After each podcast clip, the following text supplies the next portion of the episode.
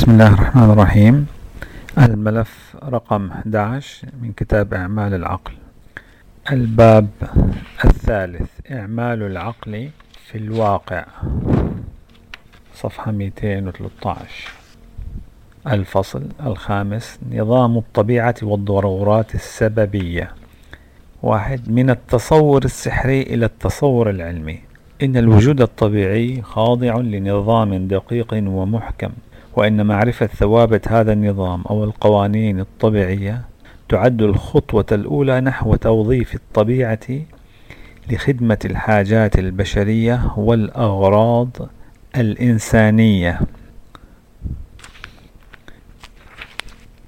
لقد دعا الله سبحانه وتعالى إلى الملاحظة والتأمل في آيات الله تعالى الكونية الحث على البحث الميداني لمعرفة الحقائق والتأكد من الحوادث. قل سيروا في الأرض فانظروا كيف بدأ الخلق. ويدعو القرآن الناس إلى البحث العلمي وطلب البرهان والدليل ولا تقف ما ليس لك به علم. إن السمع والبصر والفؤاد كل أولئك كان عنه مسؤولا. إن الاهتمام بالعلوم الطبيعية التي عرفت عند علماء المسلمين باسم الطبيعيات وصنفت ضمن العلوم العقلية لم تلبث أن تراجعت بدءا من القرن السادس الهجري تدريجيا لتختفي كليا من المناهج الدراسية في المدارس والجامعات الإسلامية. ونريد أن نبين في المبحث التالي فهم طبيعة التشوهات التي طرأت على تصور علماء المسلمين للوجود الطبيعي وبالتحديد خضوع العلاقات الطبيعية بين الأشياء لمبدأ السببي العقل والطبيعة. ويمثل كتاب أبي حامد الغزالي تهافت الفلاسفة الذي ألفه في نهاية القرن الهجري الخامس منعطفا هاما في الصراع بين الفلاسفة المتكلمين. في تاريخ الفكر الإسلامي ومقدمة لتراجع العلوم العقلية. فمثلا ارتكب الغزالي بعض ما نهى عنه وعمد إلى إنكار العلاقة الضرورية بين السبب والمسبب. اعتقادا منه أن القول بضرورة إلحاق السبب بالمسبب هو إنكار للمعجزات والخوارق الطبيعية المثبتة في كتاب الله الكريم. ولم يدري الغزالي رحمه الله أن إنكار مبدأ السببية إنكار لخصائص الموجودات الطبيعية ومقوماتها الذاتية. وهذا قمين بزلزلة العلوم الطبيعية من قواعدها وأسسها. فمثلا يصر الغزالي على وصف العلاقة بين السبب والمسبب أو العلة والمعلول بالتساوق الناجم عن الإلفة والعادة. وينكر ضرورة ارتباط السبب بمسببه. يعود رفض الغزالي لمبدأ السببية إلى أمرين. أولهما جعل السبب هو الفاعل المؤثر في المسبب في أن في حين أن الفاعل الحقيقي هو الله. الأمر الآخر دعا الغزالي إلى إنكار مبدأ السببية. خشيته أن يؤدي إثبات الضرورة إلى إنكار الخوارق التي ذكرها القرآن. مثل حفظ الله سبحانه وتعالى إبراهيم من النار. وهذا باطل في رأي الغزالي. فالقول بضرورة حدوث الاحتراق عند التقاء النار بمواد قابلة للاحتراق لا يعني بحال من الأحوال نفي الاختيار عن الإرادة الإلهية لأن ضرورة الاحتراق ليست سوى تجلي للمشيئة الإلهية التي شاء أن يكون الإحراق خاصية ملازمة للنار وسنة ثابتة فالضرورة في حق الله تعالى هو ما اختاره بمشيئته وارتبط بصفاته وأسمائه. فنحن نعتقد الصدق من الله ضرورة ونحكم بامتناع الكذب عليه لأن الصدق صفة من صفاته الجليلة. ذلك لجأ الغزالي لكي يفسر آه، قوله لجأ إلى مفهوم العادة لتفسير غلبة النظام على الطبيعة. إن استمرار العادة بها مرة بعد أخرى يرسخ في أذهاننا جريانها على وفق العادة الماضية ترسيخا لا ينفك عنه. أي عزا آه، إحراق النار أن النار تحرق تحرق تحرق إلى العادة وليست إلى أنها سنة من سنن الله وضعها الله في النار. ولذلك رد عليه ابن رشد. فقال ما أدري ما يريدون بالعادة. هل يريدون أنها عادة الفاعل أو عادة الموجودات؟ أو عادتنا عند الحكم على هذه الموجودات؟ ومحال أن يكون لله تعالى عادة.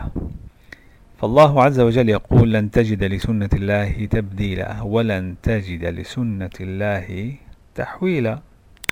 فهي سنة مضطردة وقانون ثابت لأن الله تبارك وتعالى منزه عن الفعل وفق العادة.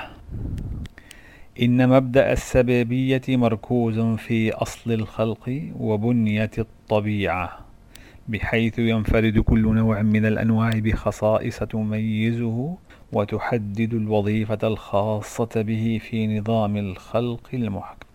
وتدل الملاحظة والتجربة على أن مبدأ السببية مبدأ عقلي قبلي وقدرة فطرية للنفس البشرية العاقلة.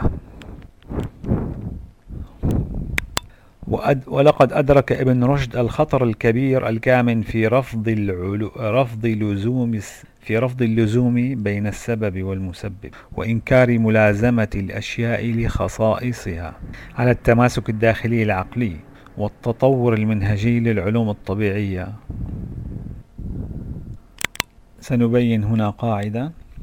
إن نقض الضرورة السببية تضييع للعقل وتمييع لثوابته المبدئية وبالتالي تضييع للعلوم الطبيعية والاجتماعية. فلا قوام لهذه العلوم بعد إنكار ملازمة الأشياء لخواصها ولزوم الأسباب لمسبباتها. ولذلك يشدد ابن رشد على أن العقل ليس شيئا أكثر من إدراكه الموجودات بأسبابها. وبه يفترق من سائر القوة المدركة فمن رفع الأسباب فقد رفع العقل.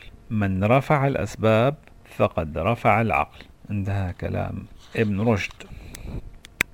يبين القرآن الكريم أن الخوارق الطبيعية لم تكن يوما من الأيام سببا لإيمان منكري الكتاب كما أنها لن تكون سببا للاعتقاد بالقدرة السحرة والمشعوذين على خرق النظام الطبيعي.